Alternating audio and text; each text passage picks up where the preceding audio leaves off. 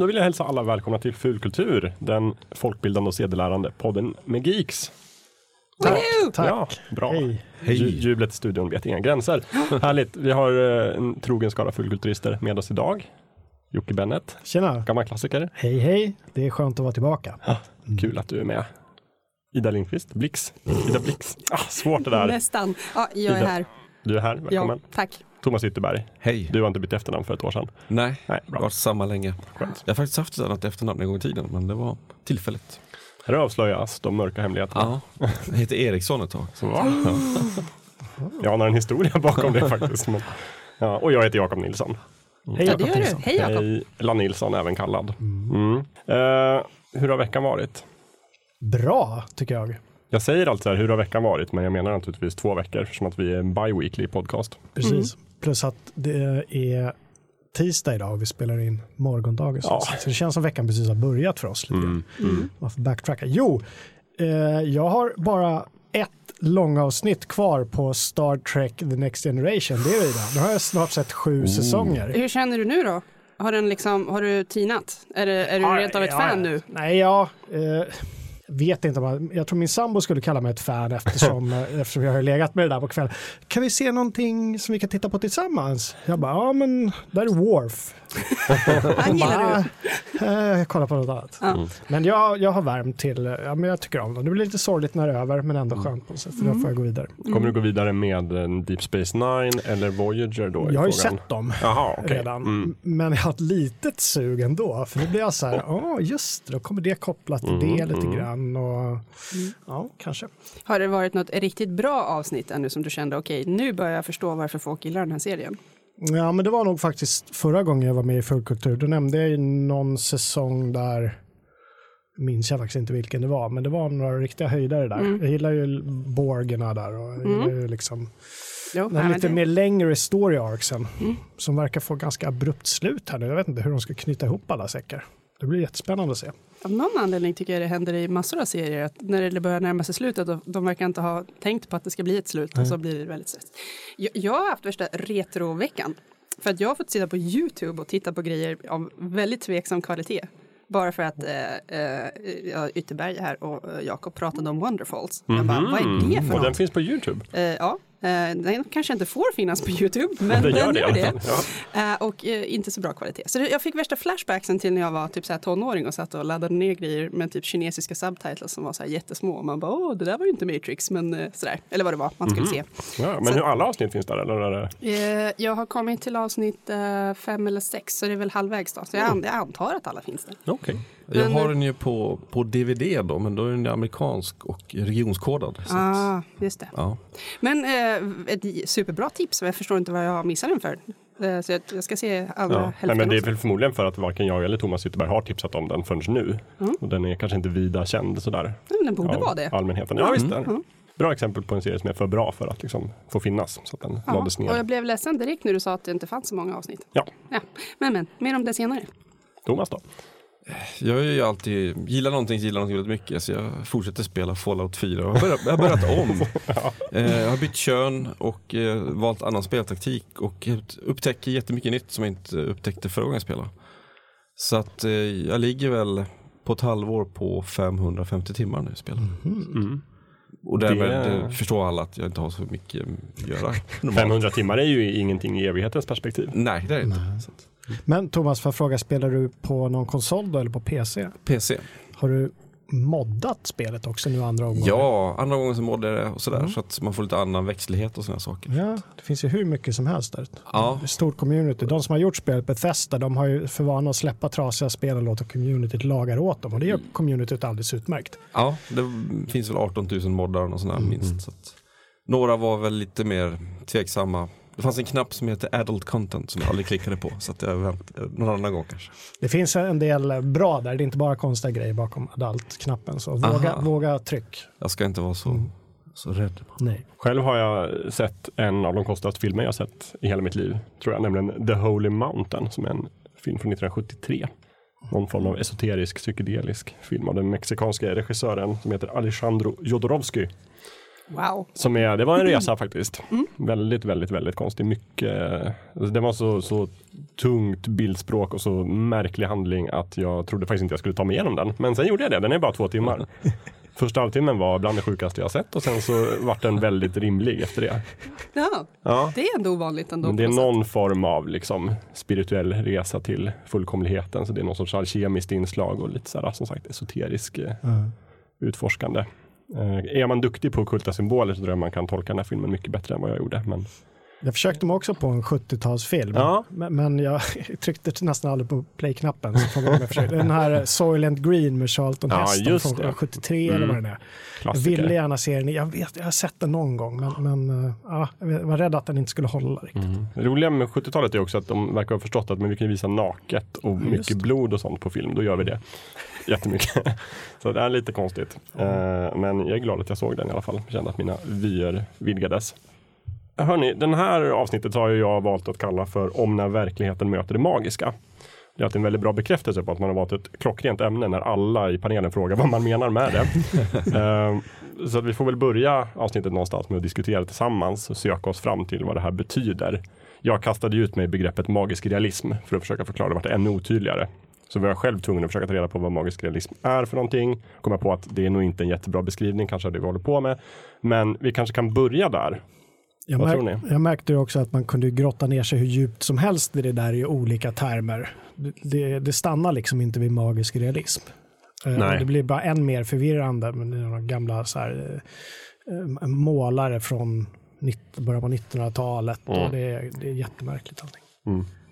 Ja, men ska, ska, man, ska man börja någonstans så brukar man väl prata om magisk realism i första hand som en litterär genre. Som i princip går ut på att typ, det är en väldigt realistisk setting. Fast det kommer in magi eller övernaturliga inslag lite i förbifarten. Så där, då brukar man ju lyfta upp den här äh, colombianska författaren Gabriel, vad heter han? Gabriel någonting Garcias. Jag trodde jag hade skrivit upp det, men det är borta. Som skrev 100 år av ensamhet. Ja, just det. Den Som, boken som är någon överallt. form av, liksom, när man pratar om magisk realism så brukar man peka på det verket och säga men det är som det här. Fast sen tycker jag ju att även om man bara kollar på Wikipedia så har ju genren sen snabbt utvecklats och blivit någonting lite annat. Och folk börjar säga men det där är inte magisk realism för att det måste vara på det här sättet. Och det finns vissa regler som måste uppfyllas. Jag tycker sånt är trams. Jag tycker att det är ju klart att genrer utvecklas och byggs på och det blir liksom blandningar och sådär. Och sen brukar man ju nästan aldrig kunna säga att det här är bara en genre utan Nej, men något precis. verk är ju lite så här Venn-diagram, passar massa lite olika. Ja, verkligen. Eh, Terry Pratchett sa ju till exempel att en magisk realism det är bara ett artigt sätt att säga att man skriver fantasy. för att man inte vill stå för det. Ja, och det. liksom ett sätt, det här är bara, om man inte vill befatta sig med den här genrefiktionen som vi håller på med, fantasy, science fiction och sånt. Då kan man säga ord. Exakt, så vill man inte stå för att man skriver fulkultur då, då kan man man magisk stämpla på magisk realism på boken och sen så får den vara på de fina biblioteken. Mm. Så kan det nog vara. Ja. Men, men det jag var ute efter och det som jag ville ta fasta på det är just den här liksom spännande mixen. När man har någonting, om det är en film eller en bok, någonting som är väldigt verklig och det är väldigt naturtroget realistiskt. Och sen så kommer det här liksom övernaturliga smygande. Eller, eller slår den i ansiktet ibland också. Och så blir det väldigt konstigt. Jag är intresserad av den, den bisarra lite Det, blandningen det där. känns ju som att, i, i en, att det finns två olika sorters verk. En del där det, där det magiska är, ska man kalla det för en naturlig del av den realistiska världen och alla ser det här magiska fast man pratar inte om det utan det bara finns där. Och dels det där där det kanske bara är huvudpersonen som ser det där och vad betyder det? Är, är den här personen galen då eller ser den personen något som vi andra inte ser någonting? Det, det, de två delarna kommer jag att tänka på. Mm. Ja men verkligen. De här lite magiska realismfascisterna som säger att det här ska det vara och inget annat. De brukar ju säga det att, att för att det ska vara magisk realism så ska det magiska vara inte uppseendeväckande av karaktärerna. De ska bara liksom vara okej med att den finns. Och så. Det tycker jag är en ganska konstig begränsning. Ja, att man, man får inte prata om det. Don't mention the magisk realism. Nej men exakt och så är det väl. Nu var det ju jättelänge sedan jag läste 100 år av ensamhet. Men där är det ju, det är ju en släktkrönika. Nu spelas det i samma familj i en liten by under 100 år. Och alla heter José. Och där är det ju liksom någon form av förbannelse tror jag över hela familjen. Så att de är liksom ödesbestämda att uppleva ett fruktansvärt öde. Men det var var det Mexi- så- samtidigt någon sorts eh, så här historia om Sydamerikas historia. Ja, precis. De får in det där också någonstans. Ja. Och det är någon, någon försäljare av flygande mattor också som kommer till den där byn och så där. Det är väldigt mycket, vräka på lite grann. Men annars då, det som kanske gör att vi väljer att, att prata om det här nu, det är ju att vi alla ser fram emot fortsättningen av tv-serien Twin Peaks. Som jag skulle klassa som någon form av tv-magisk realism. Mm, absolut. Ja. Det är lite hooken i det här, i det här avsnittet. Ja, precis. Just det. När, I väntan när på är Twin premiären? Klockan Jakob, du- 03.00 på natten, den, vad var det, 17 maj? Nej, Nej, 20 maj. 20 maj, ja. Så på morgonen 21 då kan vi gå in på HBO Nordic tror jag den går Ja, på och ja. kolla på Twin Peaks. Ja, det blir verkligen ett, förhoppningsvis ett kärt återseende. Eh, Vi har ganska höga förväntningar, eller hur? Fast jag vet inte, nej Jag jag, har jag, extremt har inte det faktiskt. För jag tror inte att det kommer riktigt bli likadant. Därför att det är alltid den här klassiska, man väntar 25 år och sen så ska man göra en fortsättning och då har man valet som skapare. Så här, ska jag anstränga mig för att få allting att vara så mycket som möjligt som det var förut? Eller ska jag acceptera att karaktärerna förmodligen har förändrats på 25 år. Och så väljer de alltid då, nej men det ska vara som förut. Hon ska jobba kvar på den dinern, den här personen ska ha samma kläder på sig. Det är liksom, jag tror att det kommer bli så och det är jag, är jag kanske inte jätteförtjust i. Det är ändå David Lynch. Ja, det kommer bli okej. Ja, jag tror det blir, jag tror det blir bra. Men det är lite svårt, jag har svårt att köpa konceptet bara. Men menar ni att ni inte har liksom ändrat frisyr på 25 år? Jag har helt eh, lyckats undvika all typ av info förutom premiärdatumet. Så att Mm. jag, jag, har en, eh, jag vet inte ens om det liksom är gamla skådisar med eller inte. Det, det känns ganska skönt att ha det så. Det är väldigt många av de gamla är med. Mm. Och otroligt många nya skådisar också. Mm. En ord- ordentlig lista. Men det låter ju ändå lite lovande. Ja. Att det, det, ska, ja. Mm, Det kan säkert bli ja, bra. Det kan säkert bli bra. Stora frågan är ju om Laura Palmer gör comeback på ett eller annat sätt. Ja, hon är ju i alla fall med i produktionen. Mhm. Skådespelerskan. Så att, Ska hon spela lik igen? Som hon inte. gjorde åtminstone hela den första säsongen va? Ja, hon spelade ju också, nu spoilar vi Twin Peaks kan vi säga Mm. direkt, men hon spelade ju också sin egen kusin. Just det. Med, och hon spelade ju då en levande doppelganger av sig själv i Black Lodge. Mm. Så att Just hon finns ju med då, tre olika roller. Om det är nu någon som inte har sett Twin Peaks, ska du inte dra premissen lite Jakob? Premissen? Eh, den utspelar sig i den lilla egendomliga staden Twin Peaks i, vad heter delstaten? Washington. Washington, ja. Uppe i Mm. nord, nordvästra USA. Det är typ jättenära gränsen till Kanada och så var det Precis. typ så här fem amerikanska miles från Washington-gränsen. Ja, och ute i skogen är det väl någon sorts här, liten industrihåla skulle jag väl säga det. Ja. Och sågverk är väl det som håller bygden igång. Mm. Och där då i denna oskyldiga lilla by så hittas en dag eh, The Homecoming Queen, Laura Palmer, stadens favorit, mördad. Wrapped in plastic. Ja, och sen eftersom att de har liksom, eh, på något sätt förflyttat sig över delstatsgränsen så blir det ett federalt brott och då kallar de in FBI's bästa eller mest egendomliga agent, Cooper. Spelad av Kyle MacLachlan heter han Mm, så? bra att du sa namnet så slapp jag. Mm. Och, och därifrån så, så utspelar sig konstiga saker helt enkelt. Ja, det är ju tv-kriminal liksom, serie, det är övernaturliga grejer, det, det finns lite av allt möjligt i den här Mm. serien verkar det som. Och ganska mycket såpa och ganska mycket eh, humor också. Och surrealism. Och surrealism. I en, i, alltid en härlig blandning. Och när den kom där 1990-ish, 90-91, så tog den väl tv-världen ganska mycket med storm. På grund av att det var liksom en följetong och det var ett mysterium och det var en produktion som man inte var kanske van vid riktigt var, var då. det på ABC? Den hade, hur som helst så hade de i alla fall hypat den fruktansvärt Mm. mycket inför eh, seriepremiären. Mm. Så den hade jättemycket tittare i början och sen tappade den nog lite. Men i alla fall. Det var väl det där avsnittet när den dansande dvärgen kommer in första gången som ganska många valde att liksom stänga Ja. av och sen inte titta. Jag tror, att det är avsnitt sex eller sju eller något sånt där. Eh, där vart det väl en dipp kan man säga. Eh, Jag hade lite samma upplevelse. Ja. För jag såg serien för första gången väldigt nyligen och bara, eh, Jakob är du säker på att jag ska se, se klart här? Men var det på min inrådan? Ja, jag är rätt säker på det. Ja. Eh, Men nu har jag kämpat mig igenom allt och, och eh, filmen som finns eh, Mm. som utspelar sig före det. Firewalk with me. Firewalk with me. Det var lite när den dansande dvärgen och den här jätten kom in, det var då jag blev, fastnade ordentligt. Mm. För då var, kändes som då, då det tog steget från kriminaldrama med lite humor till Mm. just magisk realism Mm. på något vänster. Absolut, samma, samma för mig. Sen att det spårar ur något fruktansvärt i säsong två, det är en annan sak. Finns Eller? det de som hävdar att säsong två är den bästa av Nej, dem? jag kan inte förstå det. Alltså. Jag tycker det är lite svårt med Twin Peaks för säsongerna är ju inte tydligt uppdelade narrativt. Mm. Tycker jag. Första säsongen är ganska kort, jag tror bara det är 8-9 avsnitt. Men sen fortsätter ju hela den här med liksom vem dödade Laura Palmer-grejen som var det som alla pratade om när den gick.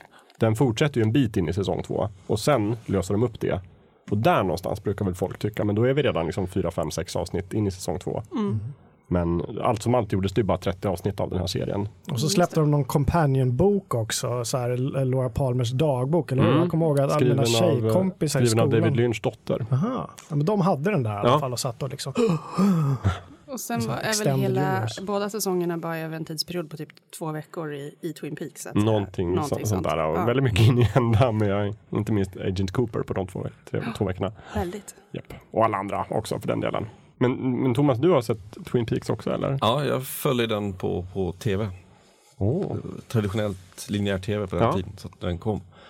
Och det fanns liksom ingenting annat utan det var ju det här format, var det någon form av fantastisk eller sci-fi någon sort så var det där liksom Alltså vi alltid pratar om veckans monsterkonceptet och, och så var det färdigt och sen så vart det en ny grej nästa gång. Och så. Men det var en följetong på det här sättet var någonting helt annorlunda. Och sen så märkte man ju förstås att många gillade det för att det var en bra serie, alltså bra berättat. Och sen så accepterar man också att det är det övernaturliga inslagen eller det surrealistiska. Och sen så vart det lite för mycket för en del. Medan andra då älskar kombinationen. Ja. Jag var ju nog lite för liten för att se den då, var jag tio år kanske, så där var inte, kom inte på tal. Men däremot min stora syster hade ju långa argumentationer och bråk med mina föräldrar om fick man se den, fick man inte. De var väldigt skeptiska just för att det var ju så här, det är väldigt mycket övernaturligt och otäckt i det här. Mm, ja. Det kan inte vara bra. Och underförstått sexuellt, Ja. mycket sånt också där. Ja. Nej, den, den var framförallt viktig tror jag. Den satte liksom, den höjde, eller satte ribban för framtida serier att komma om att, att vara lite mer än vad man var van med från eh, 80-talets serier. Ja, men inte minst just det här att publiken kunde liksom mellan avsnitten varje vecka kunde de prata med varandra och Ja. spekulera och vem är egentligen mördaren och vad tror du om det här? Och liksom som vi sen sett i typ Lost och Game of Thrones och Och så alla här, dessa. 25 år senare diskuterar ju folk fortfarande flitigt Ja. vad grejer betydde och inte Ja, betydde. och det finns liksom. Twin Peaks festivaler i USA och man kan åka runt och den här Log Lady åker eh, och är med. Mm. Och sådana saker. Så det är ju verkligen fankultur. Sen även om man nu inte gillade innehållet i serien så satte den ju en ny ribba bara vad gäller musik och det visuella också, verkar det som. Eh, har, jag, har jag läst Mm. till, för att jag missade den också på tv när den gick. Ja, precis. Men du som såg den nu ganska sentida då, vad, hur kände du för den? Kändes den gammal? Mm. Alltså, eller kändes den mm. tidlös? Eller kändes den Man kan edge. kanske jämföra den lite med att titta på Stranger Things. Alltså att det var, man, den, den är som en liten tidsresa i sig. Ja. Musiken är väldigt fantastisk men det ser ju lite gammalt ut fast det är ju gammalt på ett bra sätt på något sätt. Mm. Man, man kom in i tidsandan tycker jag. Mm. Så den, den har nog eh, klarat sig väldigt bra på det viset. Men sen att det utspelar sig i en, lit, en liten håla också, vilket ju Twin Peaks är egentligen, Mm. så är ju inte de där klassiska tidsmarkörerna finns ju inte där, för man kan tänka sig att det fortfarande 2017 ser precis likadant ut där, fast folk Ja. har mobiltelefoner. Mm. Så just därför känns den lite, den känns lite tidlös. Mm. Jo, nej, jag håller med. Jag såg den om igen nu då inför, inför nya säsongen. Och, och det var väl till största delen håller jag med er. Sen är det väl lite grann i själva typ berättartempot känns lite old school. Och jag vet inte om det är för att den är gammal. Eller för att de medvetet har försökt göra det som en lite granna pastisch på såpor.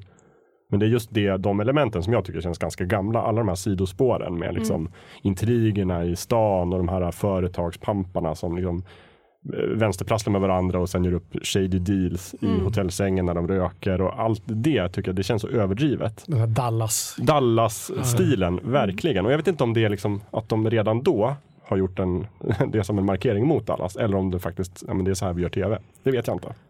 En del av världsbygget Ja. liksom, som Lynch gjorde. Ja, lite känns det som att det var med flit för att driva med såpor. Det låter som man har läst liksom lite vad alla manusförfattare har skvallrat om i Ja. och Ja, det är väl kanske så. Det var väl redan då var det väl lite om en kliché, antar jag. Mm. Och, de liksom, och de drar sig inte heller för att fläska på med den här i sig ganska fantastiska musiken i, nej, i alla scener. det är väldigt svulstigt, Mm, vilket jo, jag tycker om på något sätt. Må- Många långsamma eh, kamerabilder på så här rödljus som växlar Ja. om. Och, Alltså, bara det där, skogar bara och- där rödljussekvensen verkar det finnas folk som har diskuterat i all oändlighet vad det betyder. Jag Mm. Men bara, precis. oj, liksom. Det fanns en ganska dominerande teori länge om att det betydde olika, liksom, vad, vad ska nästa scen innehålla? Så Mm. Växlar de till rött, då är det någon som kommer dö i nästa scen. Ja, just det. allt det. Jag vet inte om det håller, men eh, det är intressant i alla fall. Mm. det känns som det mesta han, har- han har gjort är lite inne på det här magisk realism-spåret. Oh ja. Menar Mulholland Drive i allra högsta grad Jag har inte något sett sånt. den faktiskt. Ja, där visste att du skulle reagera så, men jag har faktiskt inte sett allt. bejesus. Jag blir, jag blir, det är inte ofta jag tappar hakan. Jag släpper men en bomb här. Ja, så här, exakt. Nu tar vi paus och så går vi och tittar på den. Nej, jag skojar. Lite så faktiskt. Ja, men den står ju på listan, jag ska göra det. Jag har liksom inte blivit av. Jag har däremot sett Lost Highway, tycker den är eh, strålande och otäck. Blue Velvet var också Lynch va? Mm, den har jag också sett. Och den där ser man ju, jag vet inte om man gjorde den före Twin Peaks, men den är ju väldigt lite samma stuk. Så här, en liten stad och det är någon sorts eh, sågverk och, och sen flippar den ut i mörka hemligheter och övernaturligt inslag. Men det är väl också, där kan man väl säga, det är väl ganska mycket David Lynch, liksom hans formspråk i så här, just det här att de har så utdragna scener tycker jag bidrar till den här väldigt så här, ja, lite tidslösa men också lite övernaturliga känslan i hela stan. För jag vet aldrig, det är det jag tycker är så intressant med den, att det rena övernaturliga finns och det är jättekonstigt. Men sen så finns den här liksom naturliga konstigheten bara i stan. Att karaktärerna är lite vrickade. Uff, De, Lite vrickade. ja, jättevrickade och de gör konstiga saker och de har sina tics och de har sitt eh, konstiga sätt att prata. De interagerar på ett jättemärkligt sätt. Så det blir en väldigt den här ja, men David Lynch-känslan hela, hela Twin Peaks. Jättekonstigt och underbart. Eh, konstigare samling karaktärer på en och samma plats. Jag vet inte, men det är säkert så här Ja. i och för sig om man, om man nu börjar går ut och grottar i någon småstad. Men, men jag, när jag tittade på den, jag bara oj vad konstiga alla är liksom. Vi får väl se, vi kommer väl säkert ta upp lite fler exempel nu om vi kan hitta någon annan som har ännu konstigare karaktärer. Men jag, jag är tveksam om vi kommer göra det.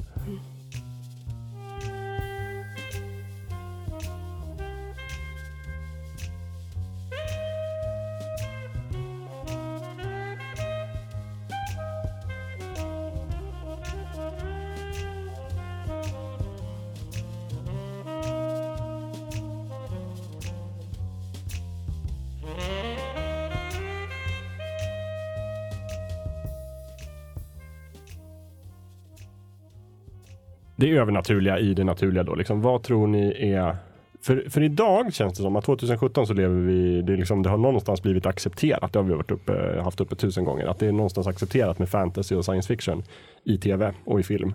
Men eh, redan sådana här liksom, magisk realism-serier vittnar ju om att det har alltid varit någonting som har lockat med det övernaturliga, med det liksom gåtfulla och det mystiska. Finns det någon djupare förklaring där eller är det bara för att det är spännande?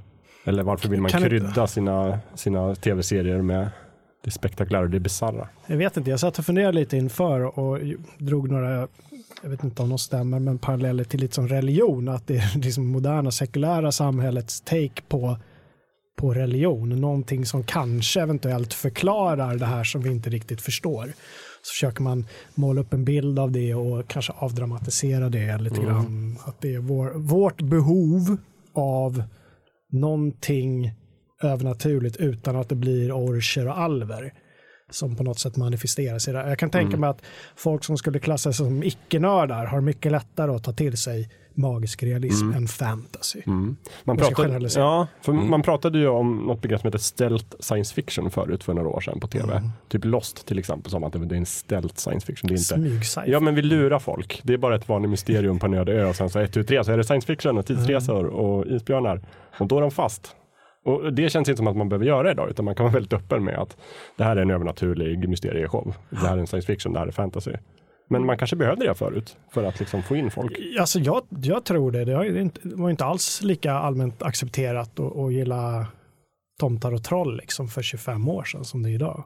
Det, det är alla de här storbudgetfilmerna och tv-serierna och böckerna som har liksom brutit de här barriärerna. Se bara på Game of Thrones så sitter fullt och nu gör jag sådana här markeringar i luften. Normala människor och tittar på stora drakar som flyger runt och det är nakna amazonkvinnor och grejer och de pratar om det som det är något fullt naturligt. Kanske kritisera sexismen lite grann i förbifarten.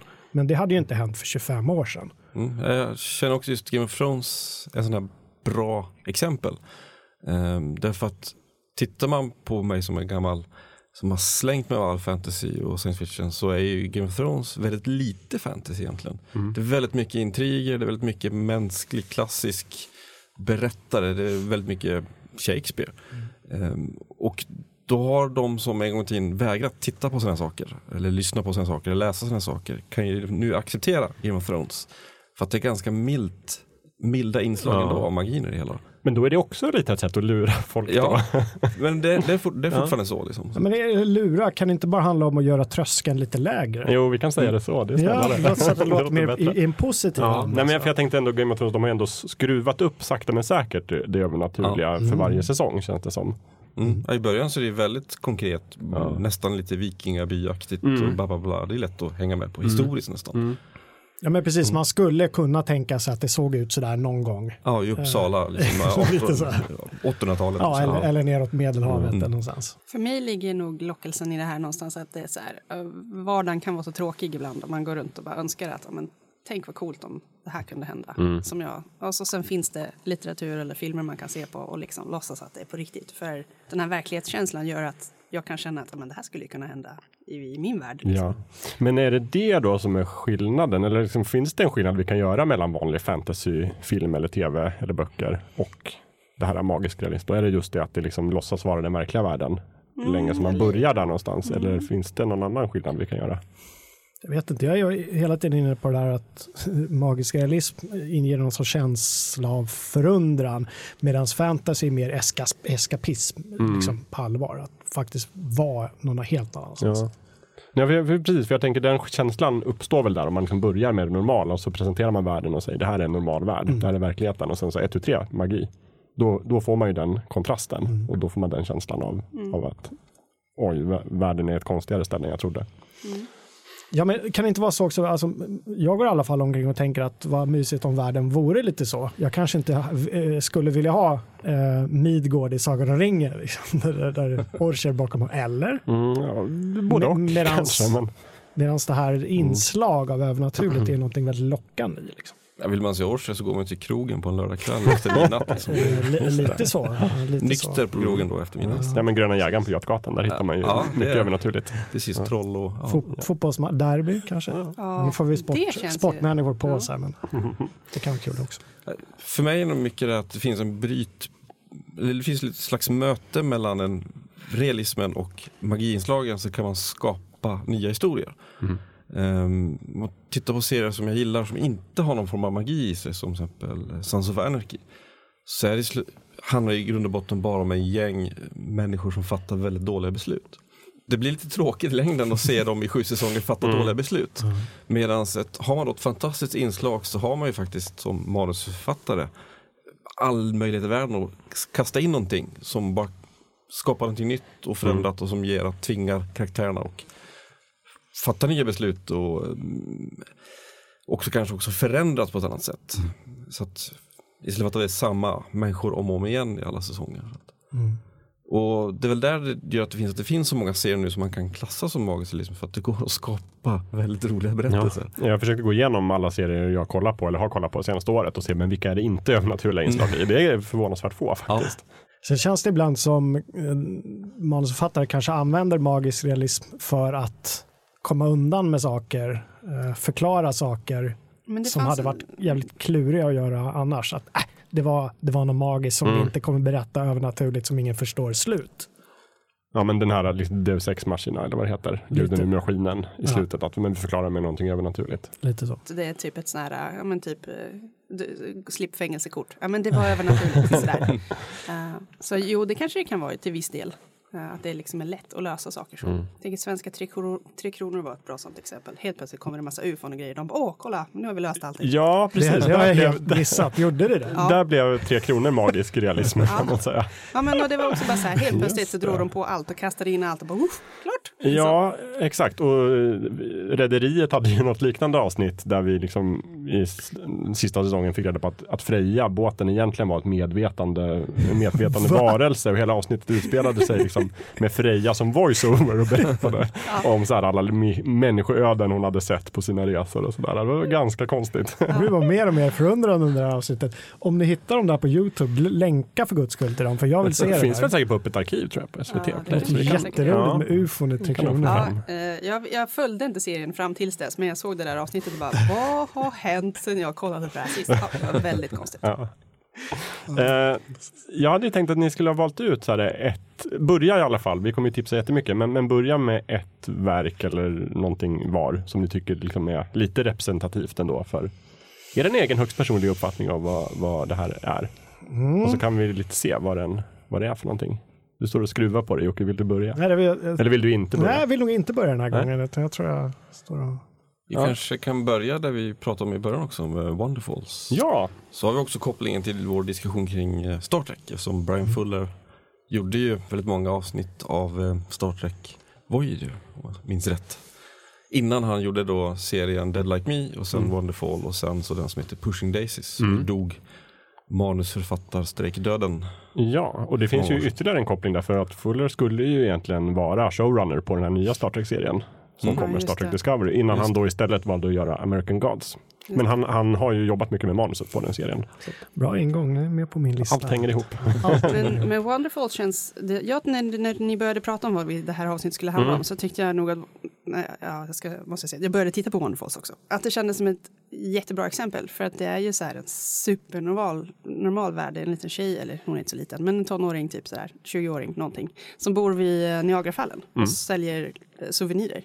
Och helt plötsligt så börjar grejer prata med henne, alltså så här eh, små plastlejon eller Ja. uppstoppade fiskar eller vad det kan vara för någonting. Bara vardagliga objekt. De börjar prata med henne och ingen annan ser att de pratar. Så hon står oftast och skriker på grejer och folk tycker hon är helt bäng. Liksom. Eh, men men i- liksom, ja, jag jag gillade det. Att det är så här, här är en helt normal värld som jag kan känna igen mig i. Det är ett jobb som jag har haft ungefär och så liksom, händer helt plötsligt någonting magiskt som gör allting mycket roligare. Mm. Ja, men och där har vi också hennes, hennes reaktion på det övernaturliga blir också väldigt egentligen realistisk. Att Ja. hon börjar själv fundera, men är jag galen? Eller är det här på riktigt? Eller är jag galen?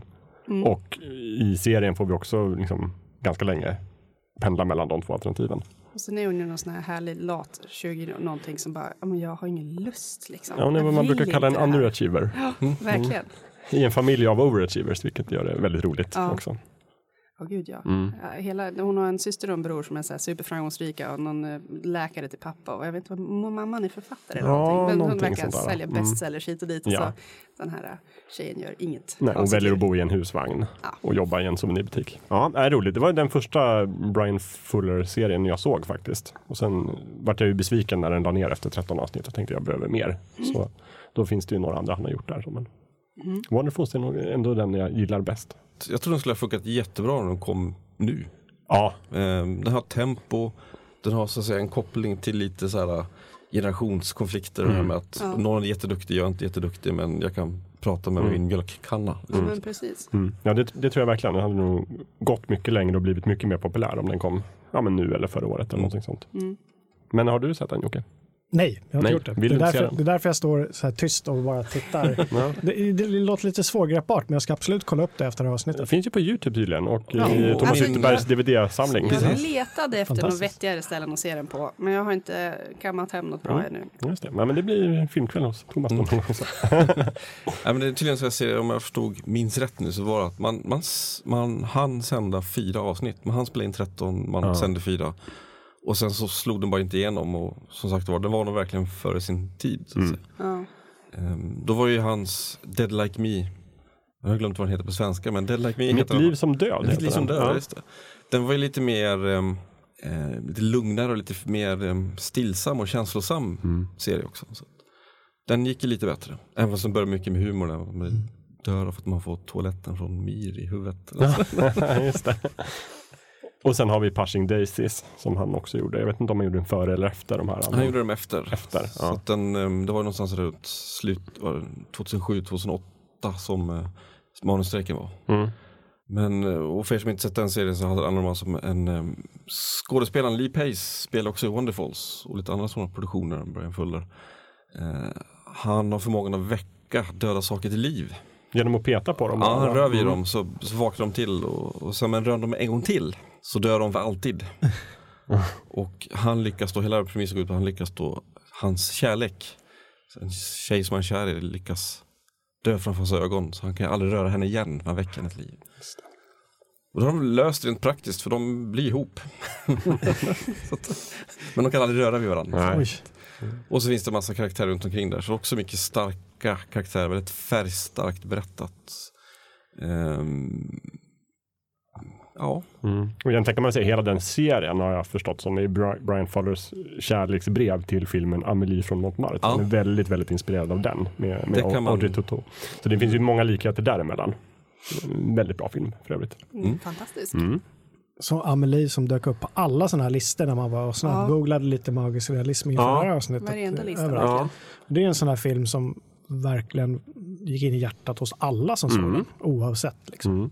Och den i sig, om vi pratar inspirationer, den är inspirerad av en, ett stort verk, en stor tjockroman som är skriven av George Perec som heter Livet, en bruksanvisning. Som är också helt fantastisk, tycker jag. Han har ritat upp den. Det handlar om, om olika hyresgäster i ett bostadshus. Och sen så har han, liksom, han har skrivit boken väldigt matematiskt så att han har byggt en maskin som bestämmer vad som ska finnas i varje kapitel och vilken lägenhet varje kapitel ska handla om och sådär. Så att han rör sig liksom genom romanen eh, enligt någon form av system. Så det finns en kod där man kan knäcka. Är väldigt intressant. Han, men det är också han som har skrivit en hel roman utan bokstaven O tror jag. Eller något sånt där. Alltså, bara för att han kan. Fantastiskt. Eh, Amelie är en sån här film som eh, eh, min kära man till exempel, han kommer inte ens ihåg att det fanns några magiska grejer i den. Nej. Så att den har liksom, den är magisk realism som är så subtil på något sätt att man knappt minns att det var där. Mm.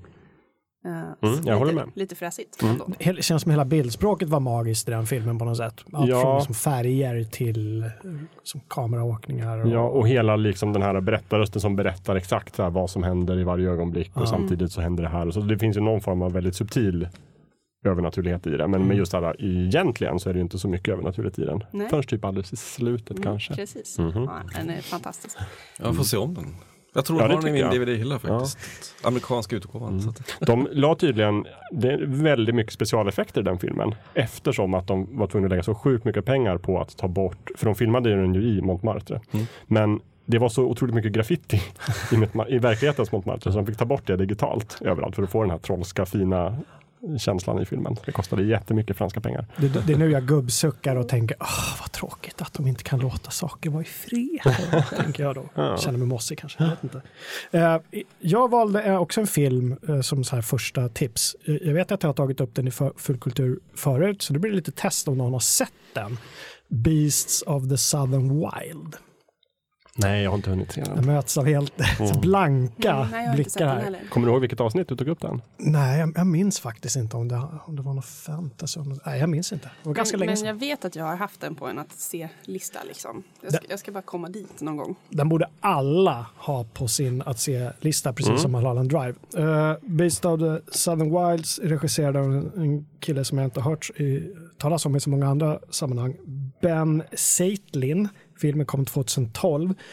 Eh, den handlar om eh, sexåriga Hush Puppy som bor i eh, Louisianas eh, träskmarker med sin gravt alkoholiserade pappa i ett ruckel eh, i utkanten av en liten eh, eh kåkstad kan vi väl kalla det som heter The Bathtub, badtunnan. Låter som ett de det för. jättelämpligt ställe för en sexåring. Ja men precis, men de lever sitt lilla alternativa liv där bakom en stor flodmur som resten av, som staten har byggt upp för att antagligen då, tror man, skydda mot översvämningar. Eh, Men sen blir det så att det blir en stor storm som eh, får The Bathtub att svämma över med saltvatten då istället och ingenting kan leva längre. Eh, Och I samband med det här så har Hush Puppy lärt sig om eh, uroxarna som frös någonstans uppe i eh, Sibirien eller Antarktis eller någonting för, för länge, länge sedan. Och i hennes värld på något sätt kommer de här flytandes över världshaven mot Louisiana och får liv då. Man vet inte riktigt om det är bara i hennes ögon eller om det bara är barn som kan se dem eller om de får symbolisera någon sorts urkraft. Eh, Så finns det lite andra små intriger där. Invånarna i The Bathtub ska spränga den här vallen för att få ut saltvattnet. Och det är Oj. väldigt dramatiskt allting. Och den är så himla fin. Och jag grät så mycket när jag såg den här filmen. Jag började nästan gråta nu när jag tänker på den. Den är så himla vacker. Musiken är enastående. Den är eh, så bra så att om man inte blir berörd av det så har man liksom stenhjärta. Mhm. Eh, och väldigt sorglig men väldigt glad och sjuk skådespeleri av den här lilla Hush Puppy som jag inte vet eh, vad skådisen heter. Men ser ut att vara en sexsjö. Jag ser även ut på jakt eh, efter sin mamma som hon, ja nu ska jag inte spoila. Låter väldigt bra. Nu blev jag sugen igen. Här. Ja, den, är- den är så fin och jag såg alltså, på storbild, jag har sett den efteråt i och för sig också och den funkar då också, men på storbild i en mörk biograf. Ja. Stor, storbild. Jättebil. Rätt gammal. Ja. Storbild, storbild. Den här Cinematograf. filmen dök också upp på massa listor när jag funderade på Aha. vad som är magisk realism egentligen. Okej. Och när jag bara har läst om vad den handlar om så kommer jag att tänka på Totoro. Eh, för där är det också den lilla tjejen som bara ser en massa grejer som ingen annan gör och hennes mamma är sjuk och så här. Men ja, det är så fint det där när, när små barn som har det jävligt trassligt på något sätt får den här magin lite som någon sorts present och tar sig igenom någonting jättejobbigt. De hämtar styrka Ja. i, i fantasin. Precis. Mm. Verkligen Men emot. den eh, måste ni se. Jag kommer förhöra er om två veckor om jag är med då. Ja. Ja. ja, men jag lovar, jag ska se den. Vart finns den att få tag på, Thomas? Eller Jocke? Oj, ingen aning. Nej. Den finns väl att köpa. Jag vet inte om den finns på Netflix. Ja. Jag tror jag har ingen fått, aning. alltså, jag tänker iTunes. Jag, jag känner på mig att jag har sett Säkert det här. Ja, men vi kollar upp och så länkar vi. För att vi länkar ju allting. Vi försöker att komma ihåg allting vi nämner. Att vi länkar. Ibland glömmer vi någonting sådär. Då får vi höra det. Men eh, vi försöker att göra en ordentlig länklista. Och länklistan numera finns på vår egen Tumblr-sida som vi har satt upp för just Fulkulturpodden. Så då går man in på fulkulturpodden.tumblr.com. Hittar man senaste avsnitten, man hittar gamla avsnitt, man hittar länkar. Vi som har suttit och kollat på statistik för fulkultur också, vi är väldigt glada för att det går ju bara upp. Det blir fler och fler som lyssnar hela tiden och det är ju otroligt kul. Vi, vi vet inte riktigt hur det här hur det sprids eftersom det är så svårt med poddar eftersom man inte får direkt feedback. Men berätta gärna för oss via vår Facebook-sida, eller hur Jakob? Ska vi säga Ja, rätt den här precis. gången? Vad heter den? Fulkulturpodden. Precis. Det är egentligen överallt oavsett om man går in på Tumblr eller Instagram eller Facebook eller så är det Fulkulturpodden som ett ord. Jag tycker Instagram-kontot är alldeles fantastiskt. Eh, man, man lär sig fruktansvärt mycket grejer av att Ja. följa det kontot. Det har ju blivit lite så här att vi liksom försöker temamässigt följa upp avsnittet eh, två veckor fram till nästa och då försöker vi lägga upp liksom lite fördjupningar, lite det vi har nämnt och Ja, lite, så här, lite tidbits of information som vi brukar kalla det. Superbra för oss som kanske ibland behöver en lite bildlig instegsport också. Mm. inte bara ta oss rakt av på orden eller, eller klicka på en länk utan faktiskt behöver få se Ja, men precis, och då har vi podden som är ljud liksom så, men vi har även en visuell domän som är Instagram. Multimedia. Mm, Faktiskt. Just det. Hörrni, jag tar ett tips också faktiskt som är en av mina personliga favoritfilmer och det är den romantiska komedin LA Story från 1991 också. Regisserad av Steve Martin, den gamle banjospelande komikern och även han spelar huvudrollen. Och han gjorde några filmer där, liksom hans storhetsperiod på tidigt 90-tal. Eh, det är väl ganska mycket en, en, liksom en hyllning till den bizarra Californian lifestyle. Ganska mycket. Den utspelar sig i Los Angeles där han bor. Eh, och det är egentligen det är ju en kärleksfilm så det handlar ju om hans sökande efter mening med livet och eh, kvinnan som ska liksom göra hans liv värt.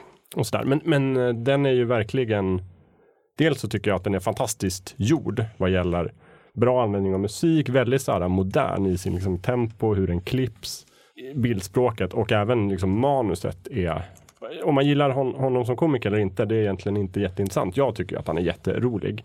Men det är så himla mycket planteringar i början av filmen som man sen liksom får sin förklaring i slutet av filmen och den är väldigt, väldigt helheten produkt. Jag älskar den och eh, just det här magiska inslagen funkar också på olika nivåer. Att dels har du bara den här jättemärkliga händelserna som utspelar sig i Los Angeles där folk bor, för folk är konstiga i Kalifornien. Men sen är det också det här, fast det finns en dimension till som är det svårförklarliga och liksom han får ju till exempel livsråd av en, en talande motorvägsskylt som berättar för honom vad han ska göra. Och, så här, och det finns mycket sådana inslag. Det är den som har lite med någonting med änglar att göra, eller?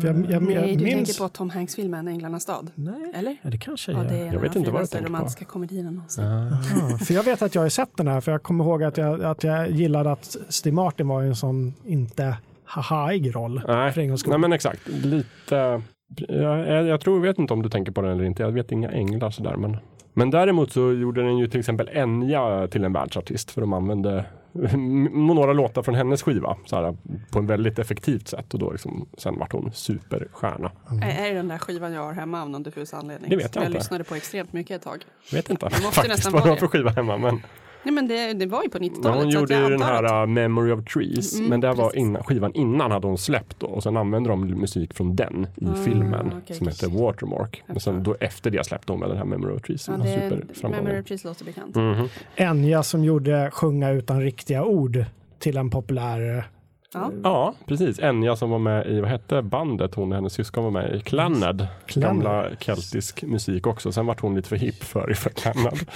Och ville göra lite mer edgig musik. Ja, men det där håller ju i sig än idag när någonting ska vara lite så här historiens vingslag så kör de in och Enya-liknande, någon som sjunger på någon så här låtsasspråk. Gladiator kommer jag ihåg, de hade mycket sånt och jag gick av Mm. på det. Nej, men det, jag tror att allt, hela den genren är från den här keltiska Mm. eh, popgenren som, som Clannad började med. För det var ju Ridley Scott gjorde ju en, en dokumentärserie om kelterna. Mhm. Då använde han musik av Enya. Det var då skivbolaget insåg att henne ska vi ha. Här finns något. Ja, här finns Mm. något. Jag som gillar historia, är den bra den dokumentärserien? Faktiskt inte sett den, bara lyssnat på soundtracket. Får jag titta då och återkomma? Men det är den säkert. Från Mm. Enya till Ridley Scott. Det, ja, det, Ja men precis, Nej, men så att säga LA Story och den går säkert att hitta på alla handa eh, Netflix och konton och hyra och sådär. Man kan ju hoppas. Ja, ja men den, är- den är bra. Den tycker jag ni ska se. Så. Eh, är det någon mer så här första tips vi ska köra eller ska vi gräva lite djupare i den här magiska realismen? Vi kan väl i och för sig, medan Sven då nämnde det, eh, hoppa in på American Gods. Mm. Eh, Brian Fuller, Just det, just det, han är tillbaka. han är tillbaka. Precis, och med, med tv, tv-matiseringen, säger man så? ja, det kan man väl säkert Av, göra. av Neil, Neil Gaimans mästerverk American Gods som jag har ju tjatat om till dödagar Mm. i den här podden. Eh, men som äntligen då har eh, blivit tv-serie och den finns i två avsnitt. Det första kom den 30 april eh, och jag försöker fortfarande hitta ett bra lagligt ställe man kan se den på. Jag tror den går på MS, är det Amazon Ja, Prime Amazon Prime på? Video, den finns ju i Sverige nu så att man Precis. går att se den lagligt om man gör det. Det kostar 60 spänn i månaden eller någonting. Det verkade Mm. finnas vissa uppförsbackar dock med regionslåsta appar vad det var för något. Men Lite rörigt Ja. beroende på plattform. Men mobiler kan man se den i, men om man ska få ut det till sin tv, det är lite rörigt ibland. Så här. Mm. Har man en, en iOS-enhet så kan man airplaya den till sin Just Apple TV och få ut den och det är, det är okej. Mm. Lite bökigt, men det är ingenting för Thomas Ytterberg. Men Nej, jag tycker här ehm, steget att skaffa ännu fler abonnemang är, är, är ganska långt. Ja, jo. Jag, Mm. jag har svårt för det, men jag blir nog så jävla tvungen. Mm. Hur som Ja, helst, nej, men ni får vänta på Blu-ray-versionen då. Ja, Blu-ray-versionen. Ja. American Gods handlar om, om eh, kåkfaren och hustlen Shadow Moon som slipper ut i fängelse att han ska åka hem och begrava sin eh, flickvän eller fru eller någonting. Mm. Så på flygplanet där träffas han, träffar han den enigmatiske Mr Wednesday eh, spelad av en fantastisk eh, Ian eller Ian McShane, jag vet inte hur man uttalar det. Eh, som bland annat varit med i Deadwood Mm. och med lite kort i Game of Thrones och blev avdödad ganska snabbt. Ja, ja. Ja, en fantastisk skådis. Och han spelar då eh, Wednesday eh, som då visar sig vara Oden från de gamla nordiska gudasagorna. Och så det här utvecklas då, kommer utvecklas för er som ska se serien eller läsa boken till en kamp mellan de gamla gudarna och den nya tidens gudar. Internet, informationssamhället, allt det som tar upp vår tid idag. Om vi inte har tid och ork att tänka på de gamla Tor och de gamla även eh, indianska gudarna om man säger så. Eh, Gör lite mellanspelare. American Gods. Mycket bra Mm. på alla sätt och vis. Mm. Kul. Jag har, ju, jag har ju läst boken och tycker jättemycket om den. Men jag spar mig lite vad gäller den här tv-serien. För att Ja, för en gång skulle vilja också se alltihopa samtidigt och då gärna i bra kvalitet så att vi ska Precis, hålla ut lite. Mm. Så jag kan sluta spela Fallout 4 och börja titta på bra tv-serier. det vore väl något. Mm. Ja, men vi återkommer väl till den om en säsong eller någonting när vi har fått tag på den och vi kan binge-titta. Mm, Precis, och då ska vi kanske inte spoila den jättemycket nu mer än så här. Det här är ju konceptet liksom. Ja. Så tycker vi, alla, det, några av oss på redaktionen har ju sett den första avsnitten och verkar ju väldigt eh, nöjda Mm. med den. Så att, eh, det är väl ett tips. Har Ida några tips förresten? Eh, nej. Wonderfalls typ. Ja, Men vi har ja. pratat om Wonderfalls. Mm. Men du har också tipsat om Totoro, min granne Totoro, som jag Ja. verkligen skulle vilja placera in i den här genren. Ja, Totoro är... Eh, ja, alltså hel, med, vad heter han? Hayao Miyazaki. Ja. Det är väldigt svårt att få till det där flowet där. Men eh, han, många av hans filmer har ju magisk realism på ett eller annat vis. Eh, och de är ju magiskt bra allihopa. Men just Totoro Mm. är ju så himla fin för att jag tycker det är, ja men som jag var inne på, den här unga tjejen som den här kattbussen. Jag vet inte, det är så Mm. magiskt alltihopa. Fast Ja. fullständigt logiskt i, i en litet barns värld. Ja, och det är väl liksom ett tacksamt grepp just där att gå igenom ett barn. För då får man någonstans en fribiljett till att beskriva världen hur fantastiskt man vill. För den är alltid fantastisk i Ja. ett barns ögon. Ja. Men, men jag gillar ju Totoro också mycket just för att till skillnad från många av hans andra filmer som är fantastiska så är ju Totoro, det finns nästan ingen, inget hot eller konflikt i den. Det är väldigt, väldigt lite. Det är lite grann det där med att deras mamma är på sjukhus. Men annars är det ju egentligen bara en, en härlig tillvaro. Ja. Nej, men den är ju superfin, verkligen. Mm, den måste man se om man inte har gjort det. Mm. Sen kan man göra som jag och virka sig små Totoros. Jag har ju en annan eh, av hans filmer som heter Porco Rosso som är en liten personlig favorit också. Som kanske inte brukar anses som hans bästa. Men för mig är den ju en av dem. Bara för att den är så härlig och det är ju egentligen en väldigt så här, realistisk äventyrsfilm som utspelar sig typ 20-talet i liksom flygets guldålder nere i Medelhavet. Och det, liksom, det finns luftpirater och det finns alla äventyrare som landar och liksom, det finns liksom barer som ligger liksom med landningsbrygga så man kan landa på vattnet och bara gå in och dricka och slåss och, med fascisterna och sen åka vidare på skattjakt och där. Och det enda som är övernaturligt är att huvudpersonen har fått en förbannelse och är en gris. Så att hans ansikte har blivit förvandlat till en gris och han har en grissvans. Men annars så är allting väldigt realistiskt. Är det hans rött flygplan? Ja, exakt. Det är därför han heter. Porco Rosso. Gris. Ja, den är suverän. Mycket high adventure gillar jag. Så, att- men, men Miyazaki han är ju alltid där liksom, och rotar i övernaturliga. Han kan liksom inte hålla sig. Nej, Nej verkligen inte. Mm. Ja, så där, där får man nog nästan beta sig igenom alltihopa på något vis. Mm. Så. Mm. Och så när man blir rik åker man till Japan och besöker Studio Ghibli. Typ. Där har du inte varit. Nej, nej det har jag inte. Nej, inte jag heller. För, för oss som gillar historisk magisk realism. Jag, vet inte, hur många- jag gör det. jo, men den, Men jag vet att du gillar genre. de- den här boken. ehm, Jonathan Strange and Mr. Roll, Norrell Ja, det är av klart. Susanna Clark. naturligtvis. Som uh, utspelas under Napoleonkrigen på 1800-talet. Mm. Tidigt 1800-tal. Där, där eh, så att säga, magin kommer tillbaka till England. Och visst, folk är ju förvånade och sådär. Men, Mm. men inte förvånade på så sätt, oj, magi, existerar det? För alla verkar väldigt överens om att det har existerat. Det finns en hel eh, liksom, pro, eh, profession där Ja. som eh, går ut på att studera gamla magin. Mm. Men nu är den tillbaka och det är två magiker, Strange och Norrell.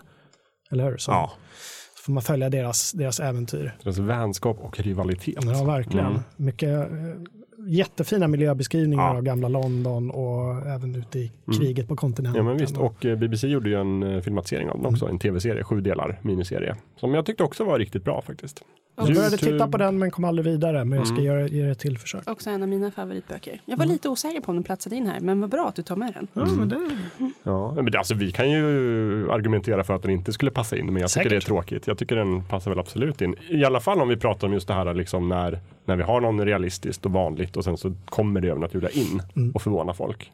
För så är det ju ändå i Game of Thrones också. De reagerar ju på drakar på precis samma sätt. Precis, Det är de tror de- ju inte på de här vålnaderna. Nej, vålnaderna. de vet ju att det visst drakar fanns förr i tiden, men inte längre. Nej. Och sen så, oj då, jo det är bra. Spoiler. Men, Oj. måste väl vara okej att prata om tidigare ja men precis, Game det finns Thrones, drakar i Game of Thrones. Ja. Så har vi sagt det, nu har vi lagt det på bordet. Precis. Jag tycker också det är kul när, när den här lite breda genren träffar skräcken. Som den ju gör ibland. Ja, men jag tycker Twin Peaks till exempel är ju ibland ute och, David Lynch verkar inte kunna hålla sig. Han måste ibland göra lite skräck. Vi har liksom The Killer Bob till exempel som är en konstig otäck människa och övernaturligt monster Mm. på något oförklarligt sätt som dyker upp överallt. Ja. Och, och det finns liksom liknande i hans filmer också. Alltså, Highway Mulholland. Drive är en av de otäckaste filmer jag har sett. Den är Mm. fruktansvärt obehaglig på alla sätt och vis. Mm. Och bra. Och där tycker jag ju någonstans att, nu har inte jag sett den, men i alla andra hans filmer så den förstärks ju verkligen av att det magiska är så okänt och så förvånande och så bisarrt. Jag menar Black Lodge är, är ju jätteotäckt. Superotäckt. För att vi inte vet vad det är och liksom Ja, men det är och väldigt sen- oklart vad som händer. Sen filmatiseringen av det där röda rummet, och, Mm. alltså man, blir, man mår lite illa av att se på det. Ja, och, och så jobbar ju David Lynch i alla fall. Ja. Han har gjort någon konstig, om det är någon webbserie eller någonting, om det var inför Mulholland Drive eller om det var den här andra, Wild at Heart i alla fall, som heter Rabbits. Som också är helt bisarr. Jag, vill inte- jag vill inte ens kalla det magisk realism, jag vill bara kalla det konstigt. Men det är någon form av, av teaterpjäs med en massa kaniner som bor i en lägenhet och det händer så här märkliga saker. Kaninerna hör så här konstiga ljud från väggen bredvid och de nämner om någonting om dem som kommer ibland. Och liksom.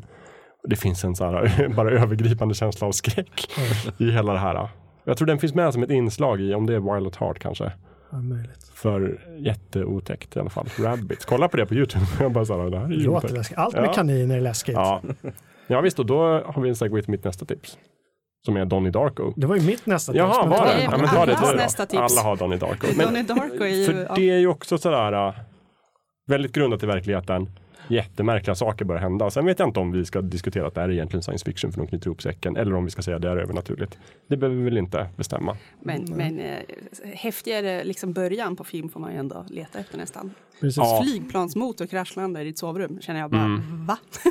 Och, ja, och, man, och huvudpersonen, den här eh, tonåringen, Donnie. eh, Donny, spelad av, vad heter han nu då? Gyllenhaal. Jake Gyllenhaal, Ja. bror till Maggie Gyllenhaal, Mm, mm, mina just det. favoriter Ja. i alla kategorier. Av Olika anledningar.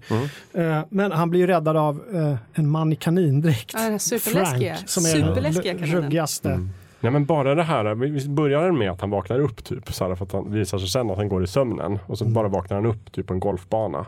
Eller är det senare? Ja, någon, han, Det är som börjar och sen så cyklar han hem och till, eh, vad är det som, vilka nu som spelar Tears for Fears? Klockren, klockren öppning.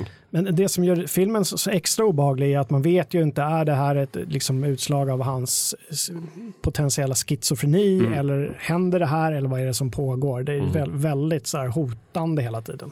Men man drömmer mardrömmar om Frank i alla fall. Ja. Han är läskig. Mm, och blir nästan ännu mer läskig när han tar av sig kaninmasken. ja. Jo, Är det inte så att Frank säger att världen ska gå under också? Ja, har han tagit en nedräkning Om liksom. Om Ja. typ sex dagar och 25 minuter eller någonting går världen under. 28 dagar, 6 timmar, 42 Ja, minuter och det. 12 sekunder. Jag hade skrivit upp det. Så Bra var, där. så här, var det inte så?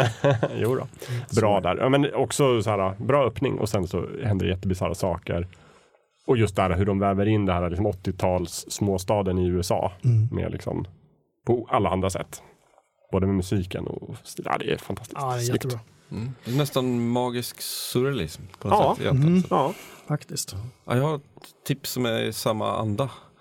Som en del nog säkert känner till. Det är ju två brittiska tv-serier som heter eh, Life on Mars och Ashes to Ashes. Ah.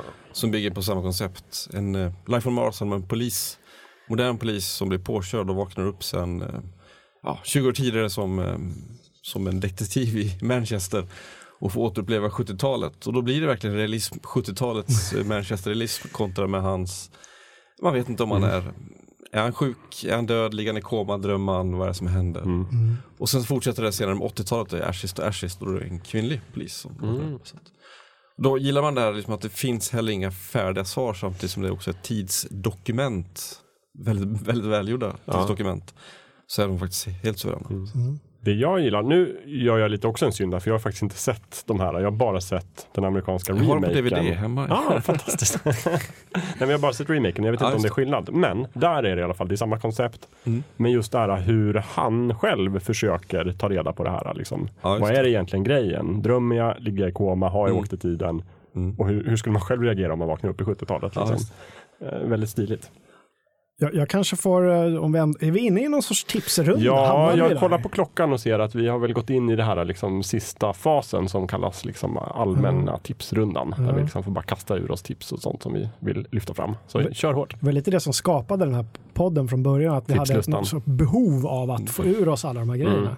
Eh, Jag vill fortsätta med Neil Gaiman. Det finns en roman han har skrivit som heter The Ocean at the End of the Lane som handlar om en eh, man som kommer tillbaka till sitt födelseby någonstans på den engelska, jag tror den engelska landsbygden. Eh, och där i slutet av gatan så han minns tillbaka hur han satt vid någon eh, bassäng där som han träffade en liten flicka som sa att det här är ingen bassäng, det här är ett, ett hav.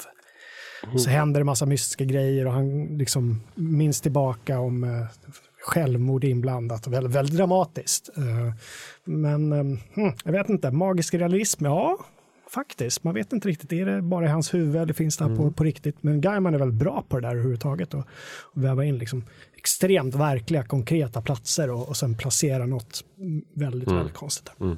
Så den tycker jag man ska läsa. Mm. Jag vet inte om de har gjort någon filmatisering kanske. Det är säkert på gång i alla fall, det brukar det vara. Mm.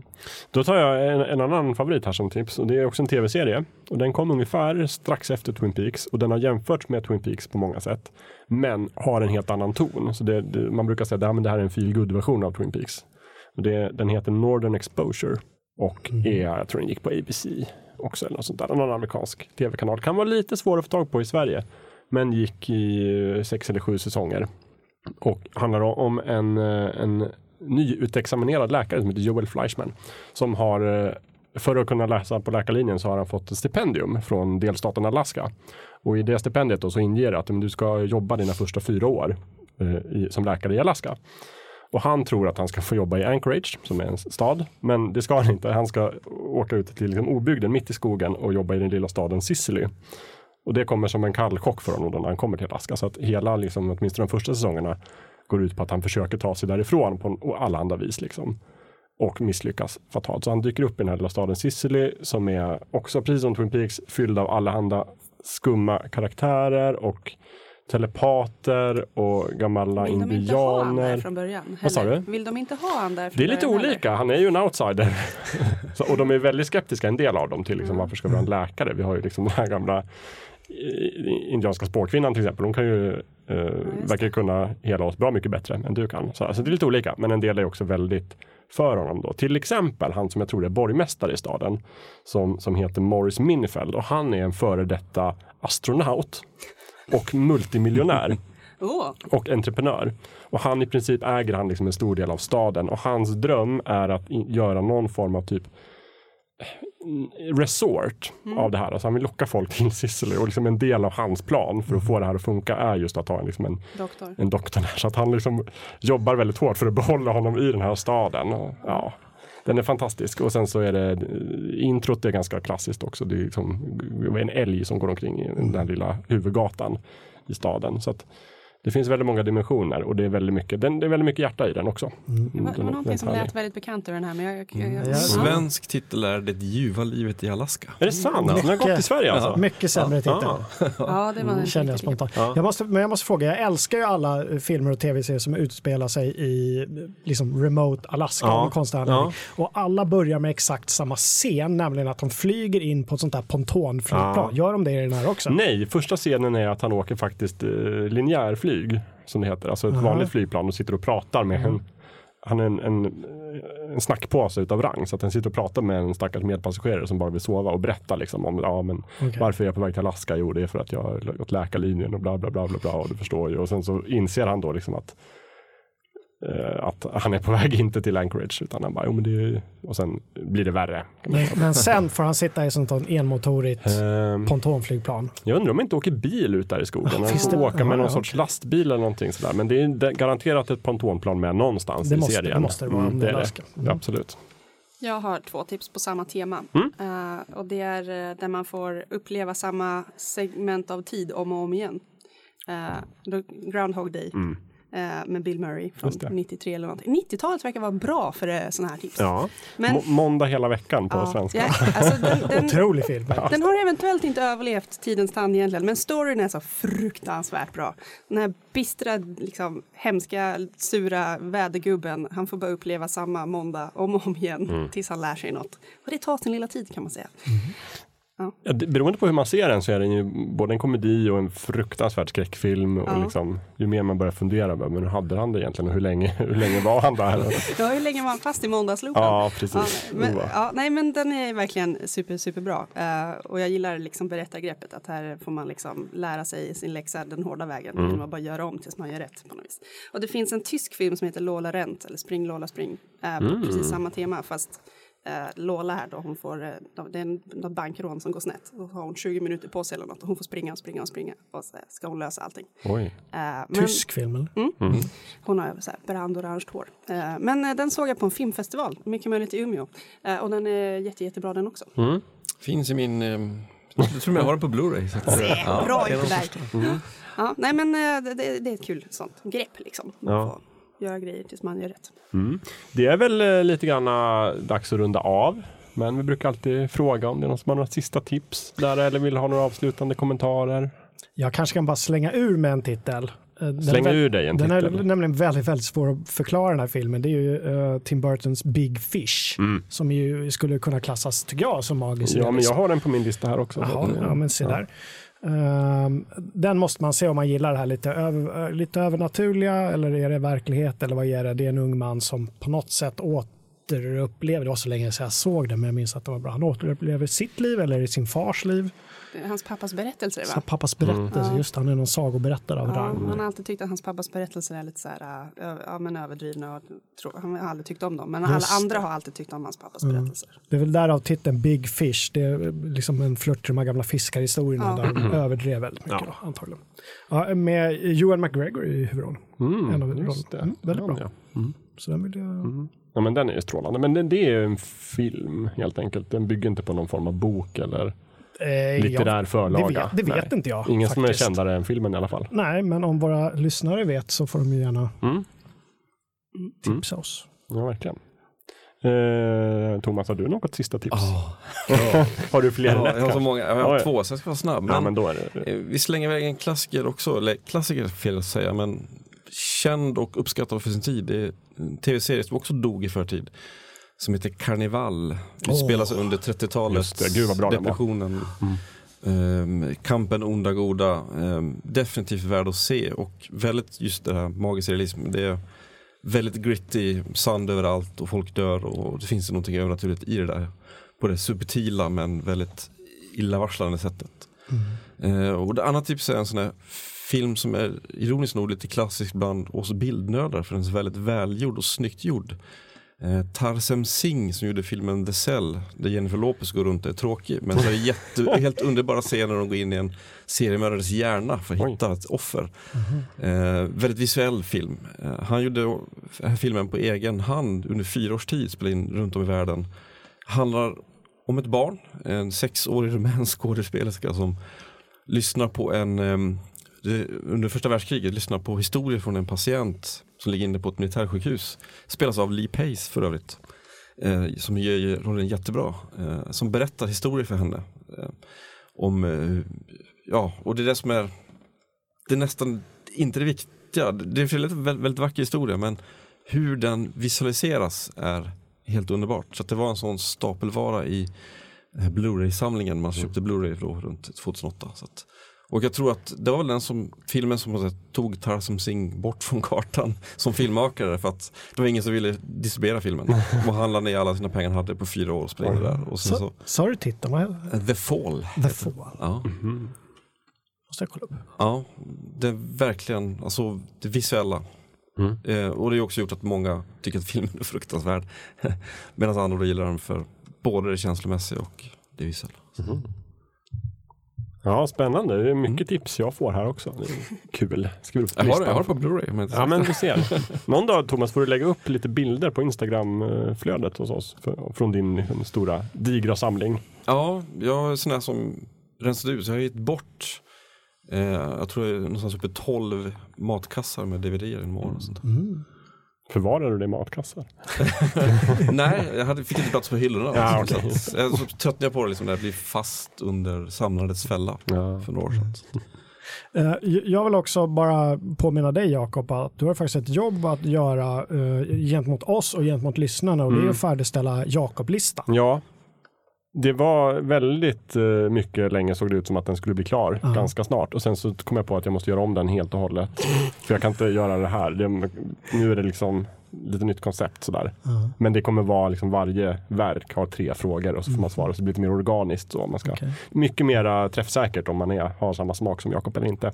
Men den, den är under ar- arbete.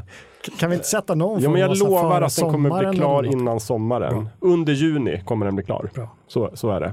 Så, Ida, har du några sista ord eller tips? Alltså jag är ju fast lite i, i barnvärlden hemma så att vi, vi satt och pratade lite om Astrid Lindgren faktiskt. Mhm. För att där är det ju massor av grejer som är jättekonstiga fast helt normala. Pippi är superstark och Karlsson på taket och liksom så här. Verkligen. Karlsson, liksom. Oh ja. Eh, och där reagerar man ju inte ens som vuxen. Det är bara så här, så här är det. Så himla fint på Ja, ja, men verkligen. Hon lägger sig också på lite olika nivåer beroende Mm. på verk. Jag menar, du har den här allra käraste systern där det verkligen är så här, är det här bara Mm. din feberfantasi eller är det på riktigt? Och sen Pippi där det bara så här, ja men hon är superstark. Vadå, det är väl inget konstigt. Ja, ingen bryr Någon sig ska ju vara starkast i tjejen bor världen, ensam i ett hus förutom eh, Prussiluskan och Ja. hon är ingen som lyssnar på. Typ. Ja. Alltså, här. mm. Eh, Så det satt vi och pratade lite om igår vid matbordet. bara. Mm, Just det, det stämmer. stämmer. Eh, då tar jag faktiskt och knycker sista tipset här innan vi säger tack och hej. Och det är egentligen det är ett väldigt brett generellt tips, men bröderna Coen, alla deras filmer nästan innehåller ju någon form av magiska inslag. Men jag skulle vilja lyfta fram en lite mindre känd film som de har gjort, lite äldre, som heter Barton Fink. Där vi får följa manusförfattaren Barton Fink som fastnar i Hollywood kan man säga. Och träffar sin ho- hotellgranne i form av John Goodman som eh, är en mystisk karaktär helt enkelt. Eh, väldigt bra film. Bar, spelas, är det John Turturro Ja, som spelar Barton Fink? Exakt. Just Mm. Den är väldigt cohensk. Mm, det är det. Mm. Lite så här, lite så här eh, bra, Brasil-känsla i den, är det inte det? Jo, Och lite så här Kafka och lite den är så här, väldigt Kafkaartad. Åh, Brasil. Den har jag i min... Fantastiskt. Eh, då skulle vi, vi har redan sagt att ni kan följa oss på Instagram Fulkulturpodden eller Facebook Fulkulturpodden eller Tumblr Fulkulturpodden. Men vi vill också gär, jättegärna så skulle vi bli superglada om ni ville gå in på typ iTunes eller det som numera heter Apple Podcasts och eh, ge oss betyg, gärna fem stjärnor är det vi efterfrågar. Och skriv gärna en liten recension, det hjälper oss supermycket just där att bli ännu fler. Det växer ju sakta men säkert som jag sagt. Men eh, får gärna, vi vill gärna att fler ska börja lyssna på fulkultur. Så att gör det. Och skriv gärna till oss. Berätta hur ni hittade fulkultur. Vad ni tycker om fulkultur och eh, typ vad ni vill att vi ska prata om framöver. Så kan vi säkert göra någonting åt det. Ja. Sen eh, vill jag bara säga att vi är tillbaka om två veckor. Då kommer vi prata om någonting helt annat. Ja. Mm. Tack för att, tack för att ni var med. Ja, Hej då! hej då!